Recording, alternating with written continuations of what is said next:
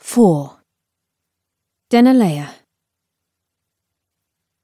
The sound of screaming stabbed through my skull like a knife. I opened my eyes, but shadows lingered in my vision, slowly giving way to blinding light.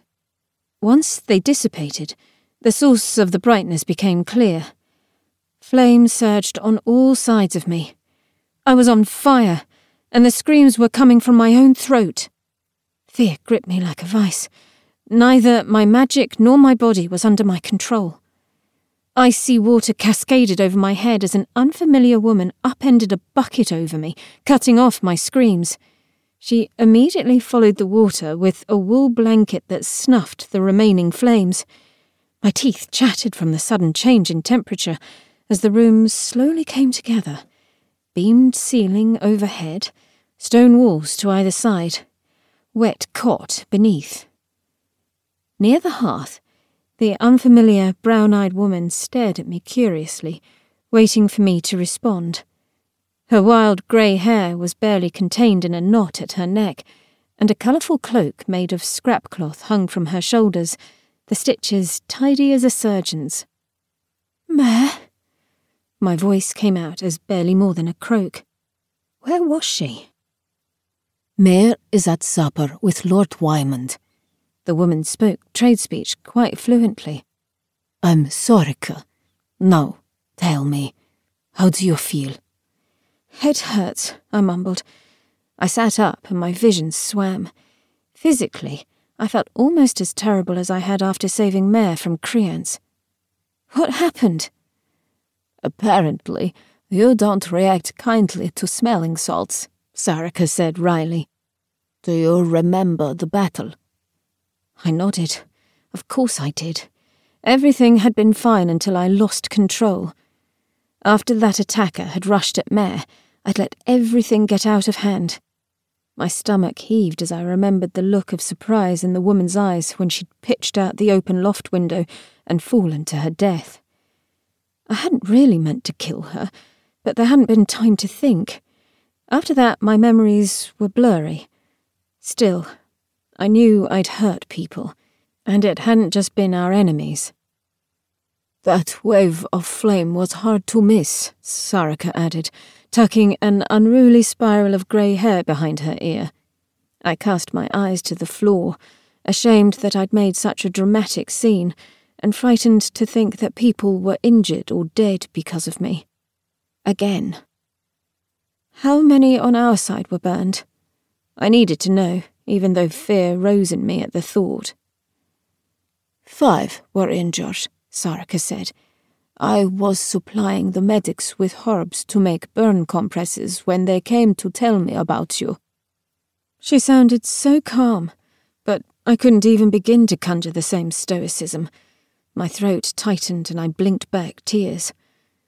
I set out to help people with my magic, but always seemed to end up harming them instead. I didn't want this to keep happening. I'd come here to get training, to educate myself, and the first thing I'd done was hurt people. Even the Sonnenborns hadn't deserved what I'd unleashed on them. Try not to fret. The fighters will heal in time, Sarika told me. I may not be a master healer, but I have enough of the gift to help them start to mend.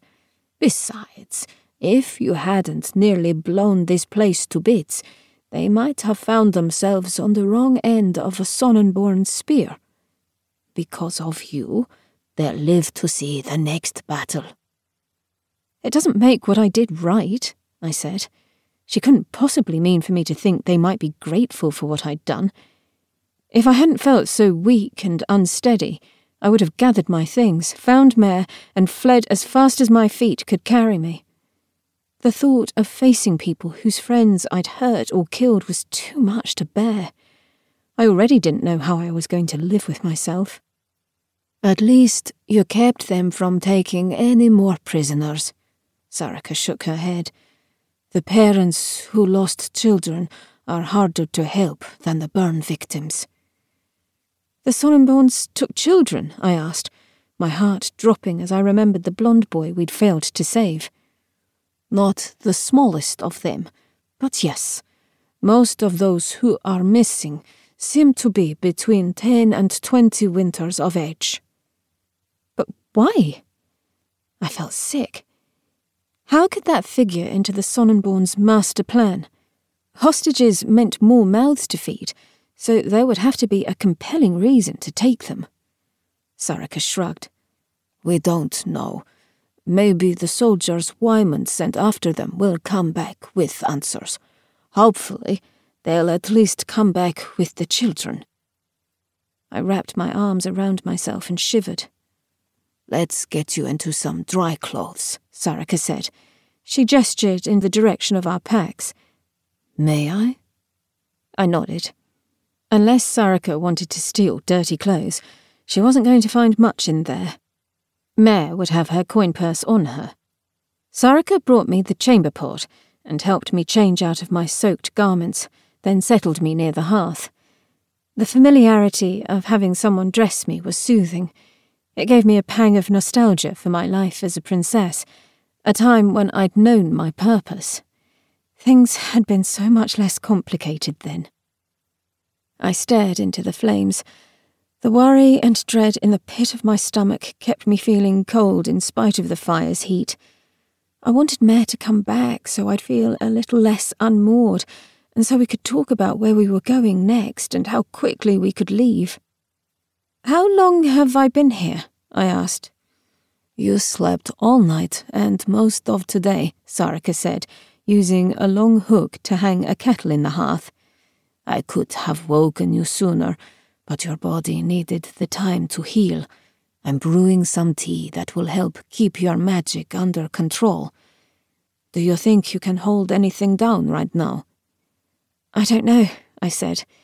My head felt fuzzy and my limbs held down by invisible weights. As I got warmer, the spots on my arms that had hurt so much when I first called on my magic danced with pins and needles that wouldn't ease. I wished the feeling would stop. The last thing I wanted was another physical reminder of my magic. Sometimes my gift made me feel possessed by an evil spirit. That was one of the Mynarian theories about magic, one I'd tried not to believe in too much. But maybe there was something to it if I could hurt people without meaning to. I tried to push the dark thoughts away while Sarika prepared my tea. She moved with purposeful confidence that reminded me of Riker, the captain of the guard back home in Mynaria. Home. Was that how I thought of Mynaria now?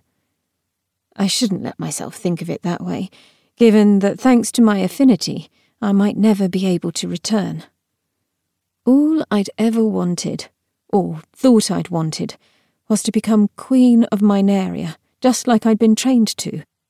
I thought I'd marry the prince and ascend the throne and use my power as a monarch to help the people of both our kingdoms. But that dream had gone up in smoke the day Thandi found out I was dead.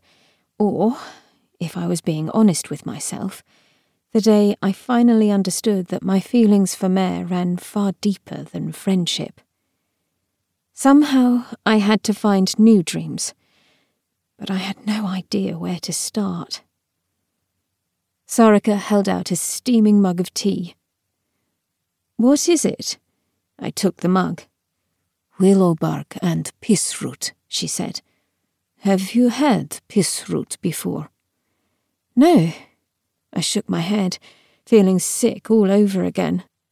Karov, a Zumordan I'd met in Mynaria, had told me about peace root, an herb used to quell affinities He'd told me the side effects of long term use were awful blinding headaches and numbness in the hands and feet that would eventually make flesh necrotic. I see you know what it is, she said, deftly reading my expression. You don't have to drink it, but it's the safest way to temporarily stop you from losing control of your gift, and it will keep you from being so easy to detect. Easy to detect? I asked, confused. You haven't been shielding yourself, so every time you use your magic, it's like shooting off a beacon that most people with affinities can feel from a hundred leagues away. Someone needs to teach you to rein in your powers. For your safety and everyone else's. I swallowed hard. What happens if no one does? You could cause a catastrophic accident or lose control to the point where the magic consumes you from the inside out. And if the wrong people get their hands on you, they'll twist you into whatever shape they choose and use you as a weapon. Dread sank deep into my bones. Sarika's tone was so matter of fact as if she weren't talking about my life, like I was a thing and not a person, a dangerous thing. Who might use me? How would they do it? How many people existed who might be powerful enough to do that? And how could I defend myself against them? It made my head spin trying to see around all the corners ahead. I raised the mug to my nose. Coils of steam rose from it, astringent and herbal. Sarika raised an eyebrow. So you've decided? I don't see how I have any choice, I said bitterly. I set my own cot on fire without even realizing it. I hurt people on the good side of a battle, and I killed people without meaning to. How can anyone feel safe around me if this magic isn't under control? There wasn't any point in indulging my fears about the peace root or wondering what would happen if I needed my magic and couldn't call on it. The possibility of hurting Mare felt like a greater risk every day, and if that happened, I would never be able to forgive myself. I took a sip. The bitter tea wasn't pleasant going down, but I was thirsty enough that it wasn't so bad. This is the safest way for now, Sarika said, her voice more gentle. I'll leave you a supply of peace root that should last a week or two. I don't recommend you take it longer than that. Can you teach me how to shield? I asked Sarika. The sooner I learned the basics, the safer it would be for everyone, especially Mare. She hesitated before answering, her sharp gaze falling away for a moment. I don't think that's a good idea. Why? My heart dropped even further. Your affinity is not like mine, she said. Someone much more powerful is going to have to train you, preferably someone with a fire affinity like yours. But if shielding is a basic skill, I started. No. Sarika's tone was firm, and I knew it would be futile to argue. My magic is not nearly strong enough to hold yours back if something went wrong. Her rejection stung, even if her reasons were sound.